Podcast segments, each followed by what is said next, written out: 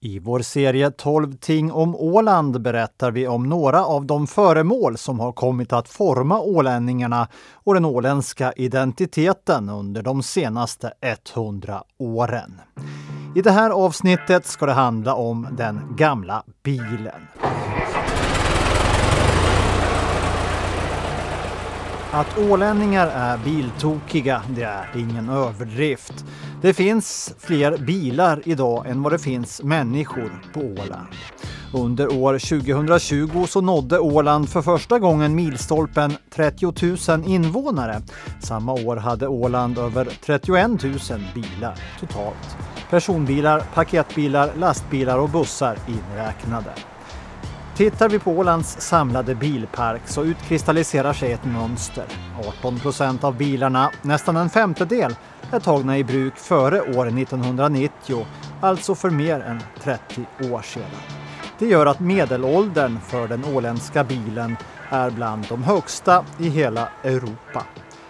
Men även den gamla bilen har ju en gång varit ny. Så hur såg det egentligen ut på Åland för 100 år sedan? I början på 1920-talet när Ålands självstyrelse var helt nyfödd. Roger Fagerholm i Östanåker har skrivit boken En glimt i backspegeln där han behandlar maskinernas intåg i det åländska samhället, däribland de allra första bilarna. Ja, det var de här tidiga då, T-Forden som jag pratade om då och skevorna som kommer också då och sen var det väl några, några tyska, tyska bilar till där då. Det var en som hette Aga vet jag. Men, men att eh, då, då hade de ju, då var det ju inga vägar egentligen. Då var det ju hästarna som, som dominerade. Då var, de var inga riktigt eh, populära bilarna i hästkretsar om vi säger så. För de blev, hästarna blev, blev rädda för de där åbäkarna som kom. Men hur kom de här bilarna till Åland då? 1920-tal? Ja, det, det, det, det, var, det var ju ångfartyg då redan som for till Amerika. Så de skeppades hit kan man säga? Jo, jo, jo. jo, jo. Och vilka var det som skaffade bilar så här tidigt? Då? Vad var det för typ av människor? Ja, det var sådana som hade råd med det då förstås. Kanske skeppare och sådana här som gjorde, gjorde bra med pengar på den tiden. Mm. Och det var ju, det var väl lite statuspryl också det där då. Mm. Men de var inte populära i, i, i, by, byarna så här med, med, med hästarna som, som var ju dominerande då. Och det var ju smala vägar, man kunde inte mötas knappast och, och, och köra om varandra. Det var ju, var ju ett elände det där. Men var det framförallt en stadsföreteelse det här då? Var det stadsbor som hade bil? Eller? Det, det kanske det var ju de här kaptenerna där men, men, men det var det på landet också. Det var det, ja just det. Ja. Men ännu då i konkurrens med hästar eh, när, när vi snackar så här. I konkurrens med hästar ja. Mm. Och det här var ändå inte de första eh, bilarna på Åland. Eh, det här är ju hundra år sedan, va? Men, men, men, bilen den, den kom till Åland redan 1906. Då kom de allra första bilarna. Eh, det var tysktillverkade av märket Piccolo minns jag eh, att du har sagt. Det var, det var tyska bilar det ja.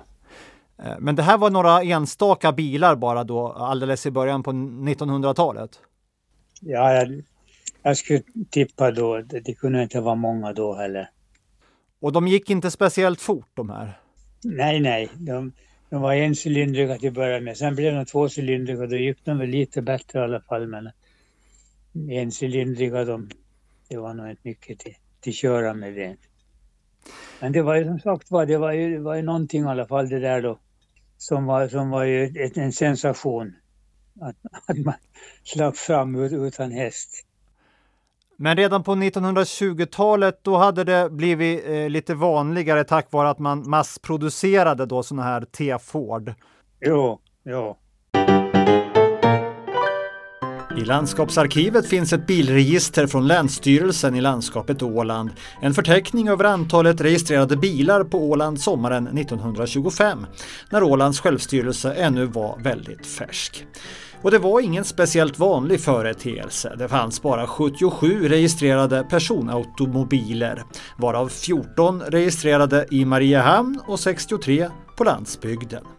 Den största delen var amerikanska bilar, 61 stycken, medan 16 bilar hade europeiskt ursprung. Det stora flertalet hade mellan 20 och 30 hästkrafter. Endast en bil i Mariehamn hade så mycket som 50 hästkrafter vid den här tidpunkten. En ögonblicksbild före bilens stora genomslag på Åland. När skulle du säga att bilen slog igenom på riktigt här på Åland på ett lite bredare plan? Ja, det var i mellankrigstiden, skulle jag säga då, som om det kom mycket bilar hit. Och traktorer och på, på samma gång då. Då gick det från att bli bara någonting för, för några få utvalda till att, att eh, det blev vanligare i hus och hem och gårdar då? Ja, ja och, ta, och taxi. Det var, det, var, det var ju mycket taxi då i byarna. Mm. De som hade bil så, så hade, hade taxirörelse helt enkelt. Det var, det var den hemmaproduktion eller hemarbete som, som var dominerande tidigare då. Mm. Allt, allt gjordes hemma. Allt som man behövde så gjordes hemma. Mm. Det var smian och, och det var bakugnar och det var allt gjordes hemma. Men sen blev det ju så då när, när det började komma butik, bilar och butiker. Sen började man handla i butikerna då förstås. Mm. Ja, det blev ett helt annat liv kan man säga. Det, ja, ja, det, det blev ett helt annat liv. Eh, faktum är ju att eh, nästan, ja, var, fem, var femte bil är ju tagen i bruk eh, före år 1990, alltså för mer än 30 år sedan. Vad, vad, ja, ja. vad, vad är egentligen förklaringen till att vi har så mycket gamla bilar här på Åland? Vad tror du? Ja, hörru du, det, det, ja men det, ja, ja, men vi har alltid tyckt om till Mecka tror jag. Det, det, all, all, alla killar som har Mecka i sin ungdom på något vis. Jag vet inte om, om, om det är likadant i Sverige och Finland men här är det ju så alla, alla har meckat på några gamla bilar säkert när man var ung och, och de har man kvar och, och vill bevara och bli veteranbilar då och sen. Sen som sagt var de här bilarna på 1900-talet så, så, så, kunde man mecka på men dagens bilar går inte att mecka alls. Åland har inte bara många bilar. På Åland bor det också många bilentusiaster som gärna spenderar timmar och dagar och veckor och till och med år med att meka på sina gamla bilar.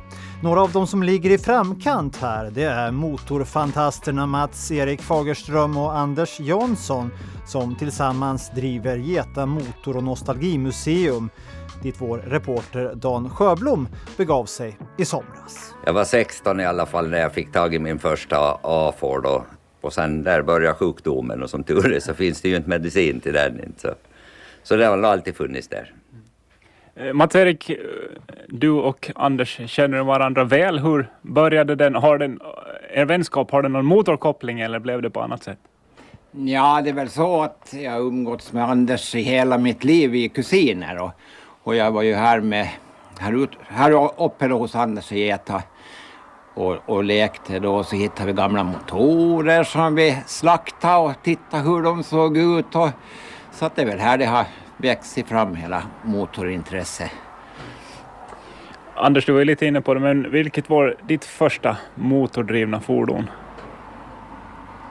Inte en aning. Det första jag gjorde, jag kommer inte riktigt ihåg det själv, men farsan berättade att jag spikade ihop en sidovagn på cykeln och skulle fara upp till affären och hämta hem morsan, men jag kom bara halvvägs och så rasade allt. Men det har jag svaga minnen av. Men det första var väl nog att vi lagade en gokart som vi spikade ihop av battingar och en gammal Java 175 kubikar och den var med på mycket den där Javan.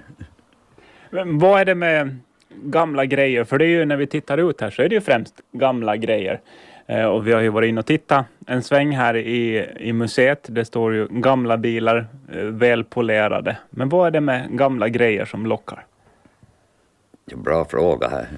Det är, det är gammalt och det är intressant. Och de ser att det som de gjorde förr är faktiskt grejer som håller. Att det är inte som idag att det ska göras i plast och håller det i två år så är alla nöjda. Att det, det är faktiskt grejer som är ordentligt gjorda.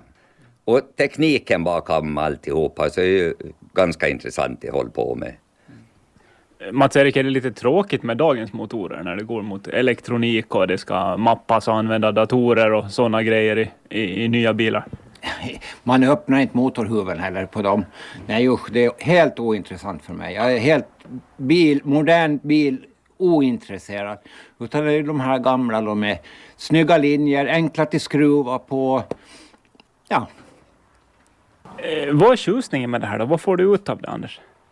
Det vet jag inte, men det är lite roligt när vi kan göra någonting sånt här och sen när folk kommer och tittar och då får vi faktiskt en liten uppskattning att vi tar vara på grejer och, och många är lite imponerade och som när de kommer hit och man öppnar dörren när de flesta ropar wow ut. Så det är ju en sån där känsla att jaha, kanske vi gör någonting rätt i alla fall.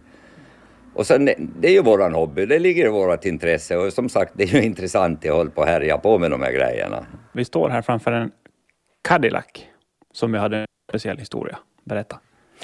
Det är en Cadillac från 1936 och det kom bara en enda till Europa och den kom till Sverige.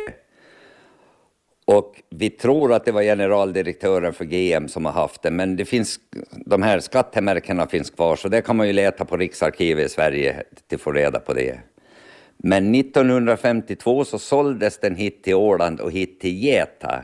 Så den har ganska mycket Geta-historia den här bilen från förr. Sen har bilen sålts runt Åland lite smått hit och dit. Och det sista så var det en farbror i Godby som hette Kalle Bergholm som köpte bilen 1974 och sen dess har den stått i ett garage i Godby. Och han jagar ju lite delar då, för han jobbar ju på Wallenius båt, han är ute där och fick Cadillac reda på om den här bilen och ville att han skulle sätta den i en container och skicka den tillbaks till USA. Men nej, de erbjöd han en ny Cadillac, men det dög inga det heller. Och för tre år sedan ungefär så gav han bilen åt oss på det villkoret att vi inte skulle sälja den eller göra någon affär på den. Så det är lite roligt att om det är den enda som kom till Europa så står här i Geta. Och det är så roligt också med bilen för alla Getabor har sån historia om han farbrorn som köpte den här bilen att han var världens sämsta chaufför. Så alla har en egen historia på hur dålig han var till att köra. Så den har absolut den roligaste historien utav alla bilar vi har här inne. Vi hörde Mats-Erik Fagerström och Anders Jansson som driver Geta Motor och Nostalgimuseum där vår reporter Dan Sjöblom hälsade på i somras. Ålands självstyrelse, ja den fyller ju 100 år nu till sommaren. Ålands självstyrelses officiella representationsbil är typiskt nog också en veteranbil. Åland 1 som den kallas. Inköpt 1986 av dåvarande landskapsstyrelsen för 286 500 finska mark. Idag används den ytterst sparsamt, men historierna är många och celebriteterna likaså som har skjutsats genom åren i den här bilen. 2014 bjöd lagtingets dåvarande vaktmästare Hasse Grönvall på en exklusiv åktur.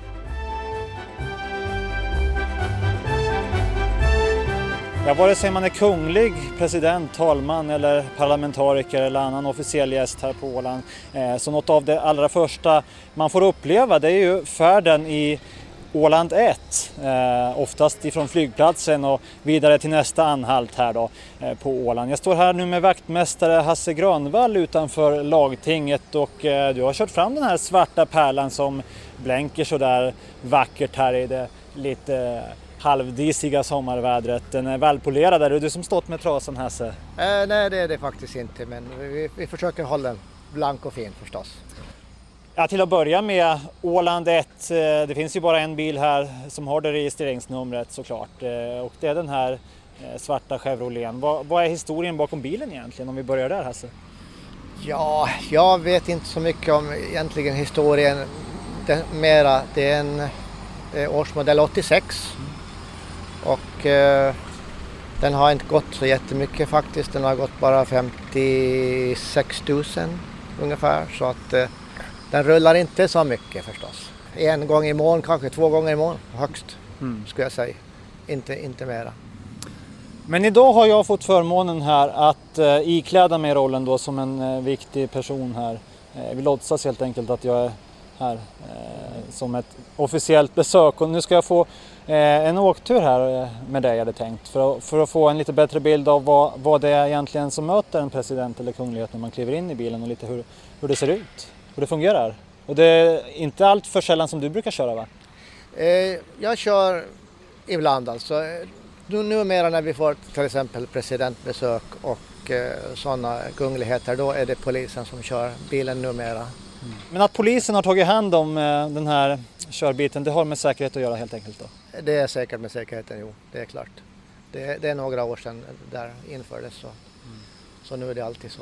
Nej men då så Hasse, du ska få visa lite eh, hur den ser ut från insidan och hur den låter och hur den rullar och så vidare. Då hoppar jag in här så kan vi kanske sa samtala vidare här inne i bilen. Det måste gå. Ja.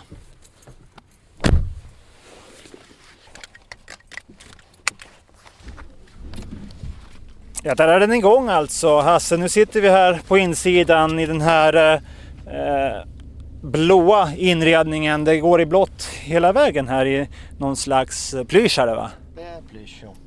Just det. Vilka platser är det som brukar vara populärast? Finns det några sådana här rutiner för hur man ska sätta sig, i vilken ordning och så vidare? Nej, alltså man, vi har ju den som, som till exempel en president åker här bak då. Mm. Och på den sidan där du sitter nu och då har vi ju också Finlands flagga. Om det är Finlands president så sitter ju Finlands flagga där på högra sidan och Ålands på vänstra här. Världen sitter till vänster alltså med, med den åländska flaggan? Ja, så är det. Oftast är det bara två som sitter i baksätet då? Eh, oftast ja. Sen om det är... Det kan ju vara någon säkerhetskille där fram mm. bredvid chauffören. Precis ja. Lite svettigt blir det ändå. Eh, hur är det varma sommardagar när den står och väntar där på flygrakan? Är den ganska uppvärmd då? Det kan nog bli ganska varmt ibland ja. Det kan det bli. För det finns inte AC? En sorts AC men den fungerar nog inte så jättebra. Men det finns det i alla fall. Händer det att gäster torkar svetten i pannan och, och pustar lite extra här. det kan ju hända sig. Det har hänt. Kanske inte i den här bilen men jag vet den förra folkvagnsbussen som vi hade, där var det ingen AC så den, den var jättevarm ibland faktiskt. Varma sommardagar. Ja. Nu har vi en mycket bättre bil. Så. Och det är oftast folkvagnsbussen som är rullning. Det här är lite, lite extra när den här skevan hoppar fram. Då är det, då är det lite speciellt. Ja, då är det lite speciellt och om det inte är så stort, stort eh, många gäster så då, då kan vi ta den här. Vet du ungefär hur, hur gästlistan ser ut som har fått åka den här bilen? Vilka, vilka den innehåller för toppnamn? toppnamn, ja. Kronprinsessan, eh, Sveriges kronprinsessa har åkt den här bilen. Och eh, prins Daniel också. Han har åkt den och eh, vad har vi mer för toppnamn. Göran Persson mm. har åkt den här bilen. Han tyckte nog att vi skulle byta kanske till en Volvo han sa. Men okay. så småningom. Ja. Uh, men uh, ja, sen förstås ja, Finlands presidenter då. Tarja Halonen har åkt den flera gånger. Niinistö har också. Nuvarande presidenten har åkt den. Och sen uh, olika talmän och, och förstås många ambassadörer. Jag vet inte, eh, skulle vi våga oss ut på vägen eller väcker vi allt för stor uppmärksamhet om vi rullar en sväng? Vad var tanken egentligen Hasse? Vi kan säkert ta en sväng runt kvarteret här, det, det, det går nog bra. Vi kan åka runt gården. Då gör vi så, bara en snabb vända runt gården så vi får se hur den tar kurvorna också. Ja just det, så får du känna lite hur det känns. Hur är det när man är ute och rullar på vägarna? Väcker den här bilen uppmärksamhet? Är det folk som vänder sig om? Ja, och det är klart att när man har flaggorna på så då, då ser ju folk att det är någonting extra på gång. Och uh, ofta ger de lite mera företräde och så här då. Det, det fungerar nog bra. Det är lite lättare att köra helt enkelt i den här än din egen privata. Folk flyttar sig. Det är det faktiskt ja. Det måste man säga. Kanske man skulle ha flaggor på den också. ja precis ja. Nu kommer vi till en väjningsplikt här och är lite tvungna att stanna för det kommer bilar här i, eh, från vänster, lite trångt här. Det här är ett perfekt läge för bakhåll egentligen.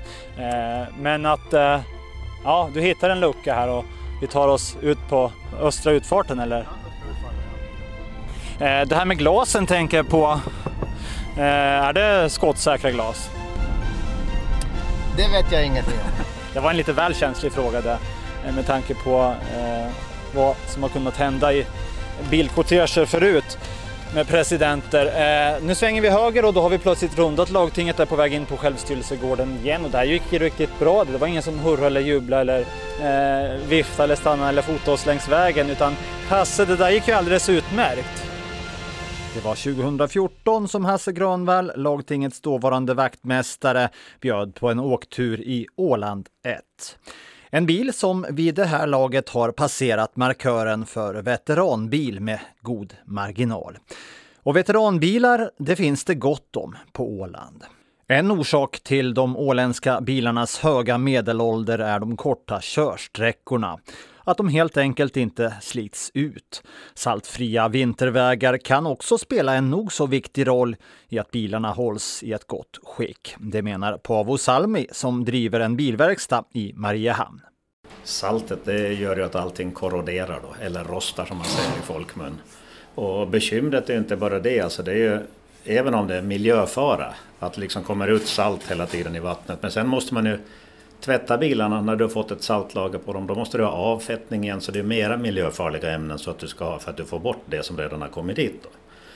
Samt att när vi har bilar som kommer på verkstaden här, för det kommer väldigt mycket importbilar till Åland. Det rör sig kanske om en 800 000 bilar nästan som kommer årligen. Tror jag att det är ditåt och det är en jättemängd bilar. Och vi har ju många bilar som kommer som är jättefräscha, de ser ut som nya utanpå.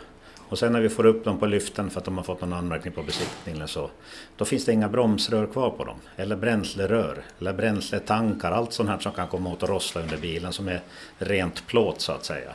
Och saltet äter ju upp det här på nolltid. Att vi har ju bilar som är från 70-talet som ser ut som nya som rullar här fortfarande. Hade du en sån bil i Stockholm så jag tror man kan se rakt igenom den. En annan faktor är, som vi redan har varit inne på, det utbredda intresset av att meka och fixa med gamla bilar och få dem att funka lite till. Bengt Jonsson är sektionsansvarig besiktningsman på Fordonsmyndigheten. Hans bild är att ålänningarna är noga med att ta hand om sina bilar. Och trots att det enligt honom är mellan 15 och 18 procent av bilarna som underkänns i besiktningen så handlar det oftast om småfel som är lätt åtgärdade. Får du en bilveteran eh, godkänd så, så minskar ju skatten på den väsentligt. Och det, det är ju en morot att, att försöka få bilen veteranbesiktad då. Och då får man ju skattelättnader. Men sen är det också ett, ett genuint eh, intresse bland ålänningar att liksom sätta dem i ursprungsskick och sånt här. Och, ja, det, det, det är kul och, och man ser eh, resan från start i mål så är ofta intressantare än, än att äga en, en, en sån här bil. Utan sen när man har satt den i skick så säljer man utan nästa projekt. För många är bilarna en hobby, ja närmast en livsstil. Och den kärlek som kan uppstå mellan bilägare och bil är stark, något som bland annat manifesteras under veteranbilsträffar. När föreningen Old Time Cruisers i somras ordnade en bilutställning på travbanan i Norrböle i Mariehamn med efterföljande traditionsenlig cruising då slog man deltagarrekord. 229 bilar ställdes ut och 319 bilar deltog i cruisingen. En av dem som var där, det var Therese Johansson från Finström. Eh, det här är en Vauxhall Victor från 64. Jag har inte haft den så länge egentligen. Jag har haft den i fyra eller fem år. Så, ja. Är det din första bil? Det är min första bil, ja. Och enda? Och enda, jo, än så länge. Eh, jag och min pappa håller på och eh, renoverar en Pontiac. En cab. Jag har nog alltid varit bilintresserad hela mitt liv. Så eh, sen har ju pappa bidragit ganska mycket med, sina, med, sin bil, med sitt bilintresse. Så det har ju smittat av sig. Sen så skulle vi titta på bil tillsammans och så snubblade jag över den här och så blev det inte en bil han tänkte utan jag köpte den här istället. Och vad var det som fick dig att köpa just den här bilen? Oj, eh, jag vet inte, det var någonting med den, med färgen och så som den såg ut. Den var lite ovanlig, det var inte en sån där som du ser alla dagar i veckan utan den är väldigt unik. Är det din drömbil? Nej, det är det inte. Vad är din drömbil? Oj. Eh, en Mustang 67, fastback som alla andra. Men eh, det här kan väl vara en, en, del av en dröm i alla fall. Eh, ska du delta i cruisingen? Jo, det ska vi göra. Hur känns det att köra ut på, på gatorna? Hurdan känsla är det? Det är en eh, faktiskt ganska rolig känsla. Eh, det som är viktigast är att man ska få ha ett lagom tempo för bilen. Det brukar kunna vara lite kämpigt ibland när man inga har automat och inga lättgående bilar. är det något annat som är så unikt med det eller hur man ska beskriva det? Alltså det blir ju en helt annan sammanhållning liksom mellan folk. Man träffar nytt och gammalt folk och pratar om bilar och tittar på bilar och ja, det är faktiskt alltså riktigt roligt. Ja, jag har pratat med lite äldre som också är yngre. Det är ju en, eh, en grej som för samman både alla generationer och olika slags folk. Jo, det gör det. Och de är ju inte, alltså, de är inte sena på att berätta om sina bilar och sina intressen och att om de har haft några liknande modeller eller sådana grejer. Så att eh, jag tycker att man lär sig jättemycket av de här eftersom man varit med ett tag. Reporter Rasmus Grönholm hade träffat Therese Johansson. 2003 fick reporter Leif Sundberg känna på vad som egentligen är tjusningen med att puttra fram i en riktigt gammal bil när han och Gustav Utte Saurén tog en åktur i en Buick Touring från 1923. Ja, just nu så sitter jag i en öppen bil på väg ut mot Järvsö i ett strålande härligt väder. Och det är inte vilken bil som helst och bakom ratten sitter ägaren själv, Utte Saurén. Vad är det här för en bil egentligen? Det är en Buick Touring från 1923. Och eh, hur många hästar har den? Det ska röra sig omkring 60. Det, det är inga många hästar alltså, men det mullrar väldigt skönt egentligen om den. Ja, det är just det det gör det och det är en uh, njutning att höra på ett sånt här jämnt och vackert motorljud att du sa nyligen här när vi startade att det här är en sån där bil som man upplever med alla sinnen. Det gör man, för när man kör en gammal bil så är det där så det är inte bara doften utifrån, alltså man, vi åker ju öppet nu och det, alla naturens dofter slår emot en. Men man känner ju också efter eventuell röklukt och om kanske någon handbroms har blivit glömd på så börjar det dofta om det. Och, så att eh, man, man är alltid liksom på sin vakt också med hörsel, man lyssnar efter missljud och så vidare. Är det en svår bil att köra? Nej, den är lite tung. Det här är ju förstås ingen, ingen där hydraulstyrning som på moderna bilar. Att man får, om bilen går sakta eller står stilla så får man väl ta i lite när man ska vända på ratten. Men att det är vad man brukar kalla för muskelservo. Muskelservo och sedan har vi osynkroniserade växlar också. Det där får man väl lite vänja sig vid. Men att visst körde ju även damer sådana bilar förr i världen.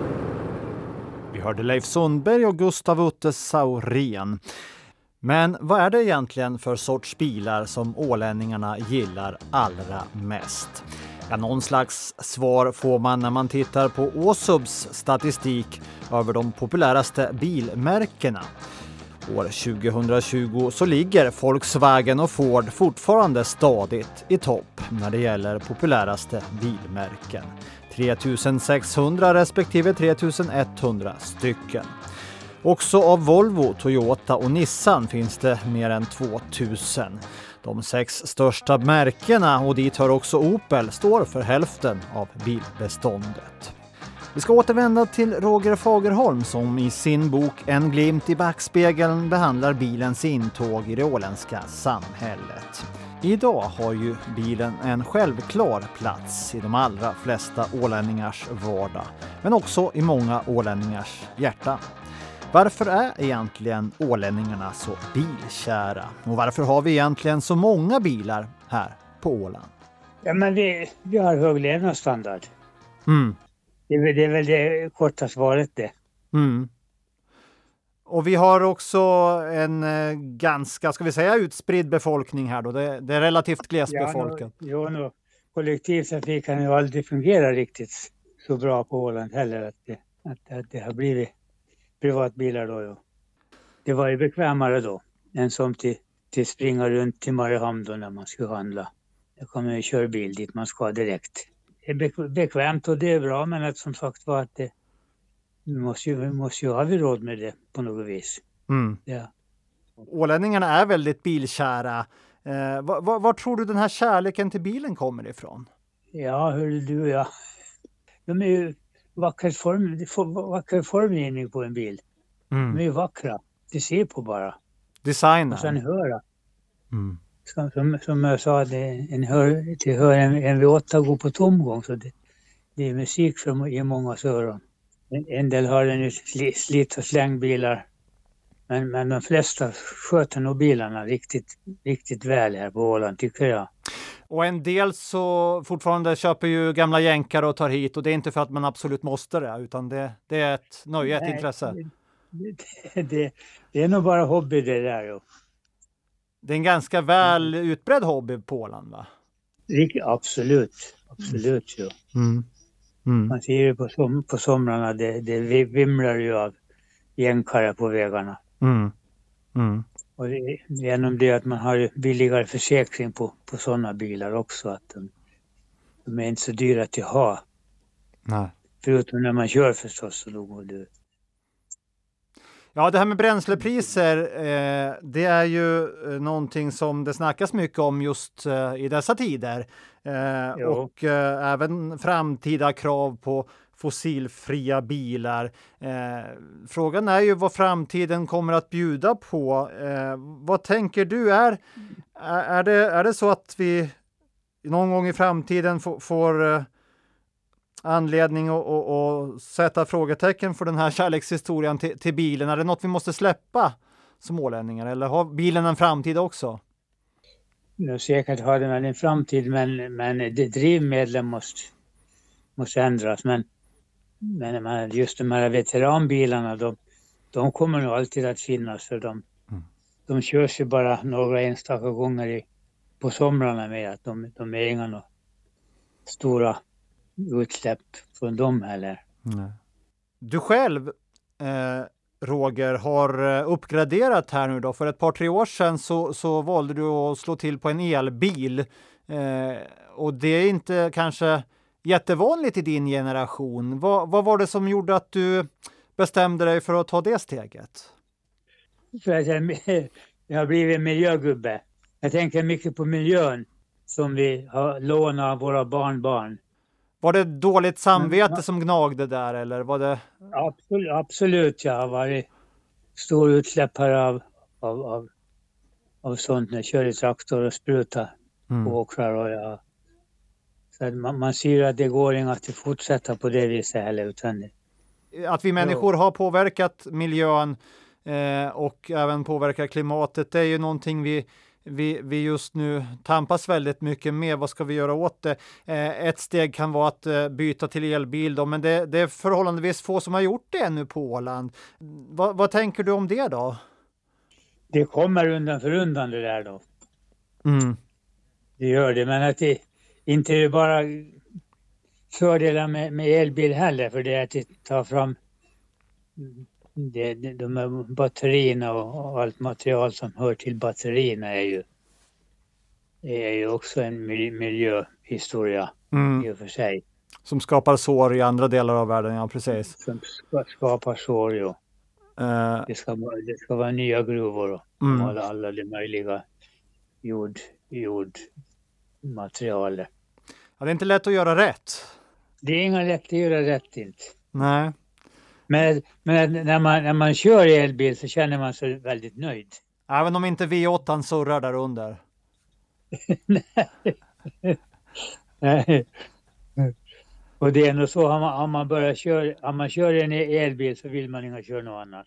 Det är så? Var det kärlek vid första det, ögonkastet där då, eller vid första det, det, åkturen? Det blir nog det, man vill, man vill inte köra man vill inte köra något annat heller.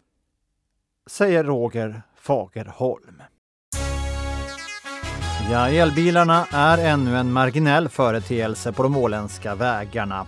Knappt en procent av personbilarna och en halv procent av paketbilarna drivs med el eller en kombination av el och annat drivmedel. Bland personbilarna dominerar bensindriften. 87 procent går på bensin och 12 procent på diesel. För paketbilarnas del är proportionerna de omvända. 82 procent diesel och 17 procent bensin.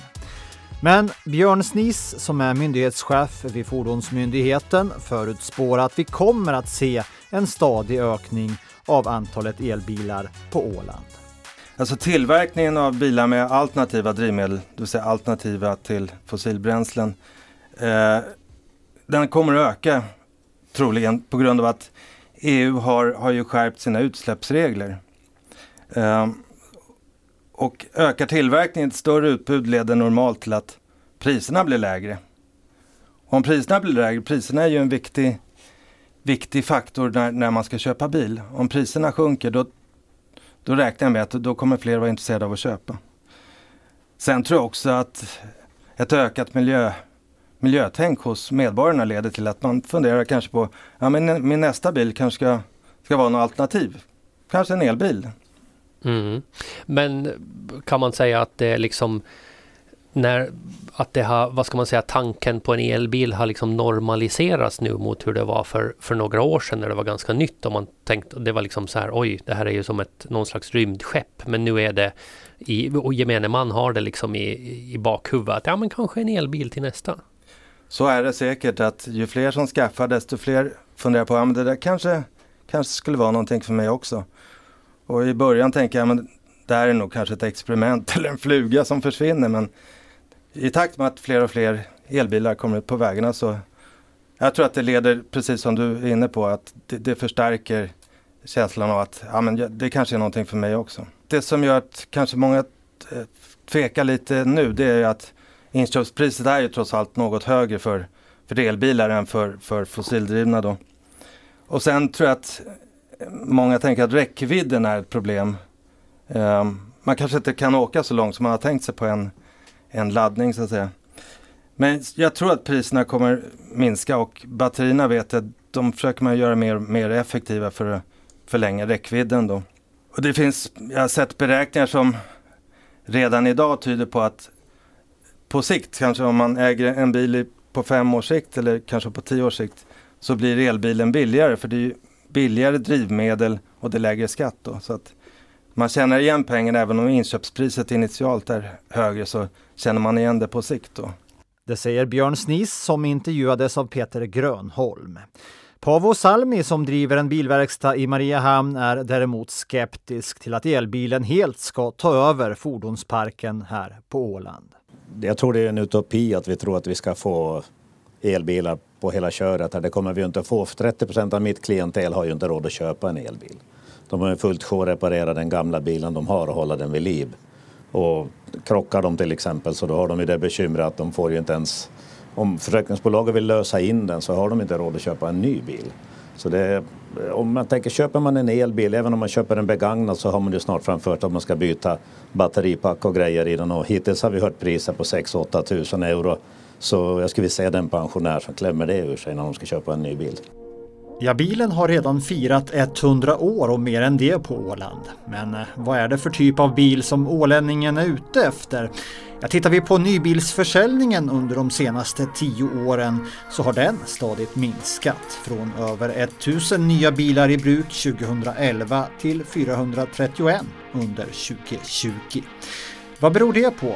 Vi hör Jonas Holmström, ansvarig för marknadsföring och ekonomi vid Zebrabil. Det var nog så att det var högkonjunktur och väldigt många som köpte bil då, eh, om man går tio år tillbaka. Men eh, nu tror jag att man kommer att ligga på någon stabilt på en 400-500 nya bilar.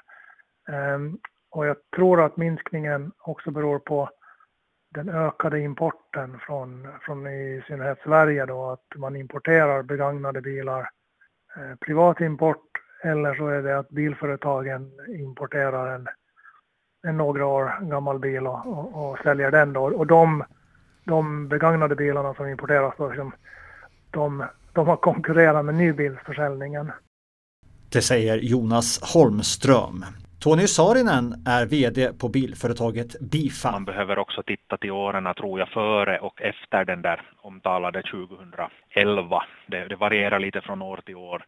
Däremot är ju, är ju de senaste åren har, har, har, kanske varit lite väntande på den här. Det har debatterats mycket om drivmedel och vad som ska komma skall i framtiden och så vidare. Och, och sa man till exempel gällande olika typer av el, eldriftsformer så tar du två år tillbaks eller tre år tillbaks så då var det ju mycket en diskussion om vad som kommer i framtiden. Att sen en vacker dag då blir det nog säkert mera el. Eh, nu är vi ju där. Säger Tony Saarinen. Ja, hur mycket av ålänningarnas identitet sitter i bilen då? Ja, det, för, för vissa mer och för, för, för, för andra, en, andra mindre. Vi hör Jonas Holmström igen. Det finns ju de som är liksom väldigt eh, märkestrogna eller, eller, eller identifiera liksom bilintresserade eller så men, men själva bilberoendet är ju väldigt um, det är ju väldigt åländskt. Vi har ingen storstad här så det finns ingen stor, det finns liksom ingen omfattande kollektivtrafik som man har i Stockholm eller Helsingfors så att de, de flesta då um, som pendlar på något sätt så, så gör det ju med sin, sin egen bil då man kan, eh, många ser säkert bilen bara som, som ett bruksföremål som, som, som, man, som man nu måste ha då, som är bekvämt och behändigt att ha. Medan sen finns det då en, en, några som, som tycker om att, att bilen är liksom den speciella bil man har, så den är väldigt, eh, den på något sätt präglar ens identitet. Zebrabil har en uttalad vision för ett hållbart Åland som innebär att alla nyförsäljningar av bilar 2030 ska vara elbilar och alla bilar på Åland ska vara elbilar 2050. En vision som var järv när den utformades 2016. Då fanns det betydligt mer osäkerhet om hur det skulle gå. Nu ser man nog att, att de flesta Eh, biltillverkare, även de som har hållit hårt i fossilbilen. Eh, det finns några då som har liksom, några märken som har sagt att vi kommer att tillverka fossilbilar hur länge som helst. Men nu, nu är de sista liksom också börjar ge sig och säga att efter 2030 eller efter 2035 så kommer de inte att tillverka eh, fossilbilar mera. Så, och det, det var ju otänkbart för en fyra, fem år sedan att de skulle gå ut och säga, säga så. Och då, och då går ju den här målet eller profetian i uppfyllelse då. Men bara för att det här ska slå in då, de som inte har råd helt enkelt att köpa nytt idag, eh, om, mm. om säg 10 20 år, finns det då begagnade elbilar som, som är lägre i pris så, så, så, att man kan fortsätta köpa begagnat i den mån man gör det idag då, om man säger så? Jo, det, det, det finns det ju. Eh, vi har, vi har på Sävabil har vi sett ett ökat intresse av, av en par år gamla leasingbilar. Så att vi har, vi har då sålt en hel del av, eh, av de här första Hyundai Ioniq-modellerna som, som kom och som, som nu har, där leasingperioden har, har liksom gått ut. Så, de, så det finns en, en ganska stor och, och snabbt växande andrahandsmarknad för elbilar som har liksom överkomliga priser. De som har en veteranbil, de kanske sätter tusen, euro, tusen timmar på att fixa sin bil i ordning och sen, sen kör, kör, de, kör de 10, 20, 30, 40 timmar per år. Det är liksom ingen, inget större problem. Problemet är, eller den utmaning som är, att få, få alla de som håller på och pendlar varje, varje dag att byta ut sin, sin bil då till, till en elbil eller eller att byta ut bilen till en elcykel eller till, till kollektivtrafik. Mm. Att, att på det sättet, där, där är liksom den stora utmaningen. Säger Jonas Holmström. Vi hör Tony Saarinen igen. Jag, jag tror att många av de här som är bruktagna före 1990 kanske står mellan något tallar eller kanske inte finns mera. Så det tror jag att man måste vara medveten om. Eh, sen, sen eh, bil, bilparken som sådan, det, det, det som kan driva omställning till till, till, till, till exempel eldrift så det kanske är mera, mera liksom körbeteendet, inte vad du har för bil från förr utan vad, du, vad körbeteende eller behovet. Det vill säga med, med, med, med fantastisk, om vi tar hemmaladdning på Åland så, så liksom man vi har ju infrastrukturen i hushållen, vi har, vi har eh, det är ganska lätt att planera dagliga kör sträckor och så vidare, det vill säga att man kör ganska lite per dag eh, och så vidare. Så, så det, kan, det gör ju att, att Åland som sådan är väldigt, väldigt, väldigt lämpligt för, för, för, för till exempel elbilar eller, eller laddhybrider. Ja, hur långt bort är eh, elbilen eller hybridens, eh, vad ska vi säga, riktiga genombrott? Eh, när kommer vi i stort sett bara se elbilar? När kommer vi se fler elbilar rulla på Åland än, än vanliga bensinbilar så att säga? Det, det, det är en bra fråga. Eh, om, vi, om vi säger först med själva drivmedlet så tillverkarna tillverkar de bilar som politikerna, politiska besluten driver fram. Och nu är det då el som, det vill säga det lokala, eh, lokala utsläppet då du kör bilen så, så, så är, det, är det, vikt, det, det, är det viktigaste måttet enligt politiska beslutet och det driver fram elbilar. Genombrottet på vad som säljs, det vill säga att när säljs det flera laddbara bilar än, än andra drivmedel så, så det, det, det, det, kan komma det här året. Det, det är min gissning bara. Det, det, det, kan vara precis här och nu det. Och då talar du... Och då talar du om eh, nybilsförsäljning bara för att vara tydlig då? Exakt, exakt. Mm. Alltså antalet, andelen eldrivna eller laddbara nybilar som, som säljs. Sen, sen hur långt ifrån är vi att, att fordonsparken som sådan, liksom fordonsbeståndet, no, no, det är ju förstås väldigt, väldigt mycket knepigare knepigare fråga eftersom vi pratar ju en, en, en väldigt stor massa bilar som då ska bytas ut. Om vi tar på klimatmålen som, som, som publicerades häromdagen i medierna så, så, så det, är nog, det är nog häftigt om, om det ska liksom gå att med, med, med nuvarande försäljningstakt eller, eller bytestempo så, så, så blir det nog tufft. Det säger Tony Saarinen som med sin framtidsspaning får avsluta det här programmet. Du har lyssnat till 12 ting om Åland, den gamla bilen. Redaktör var Hasse Persson Brun.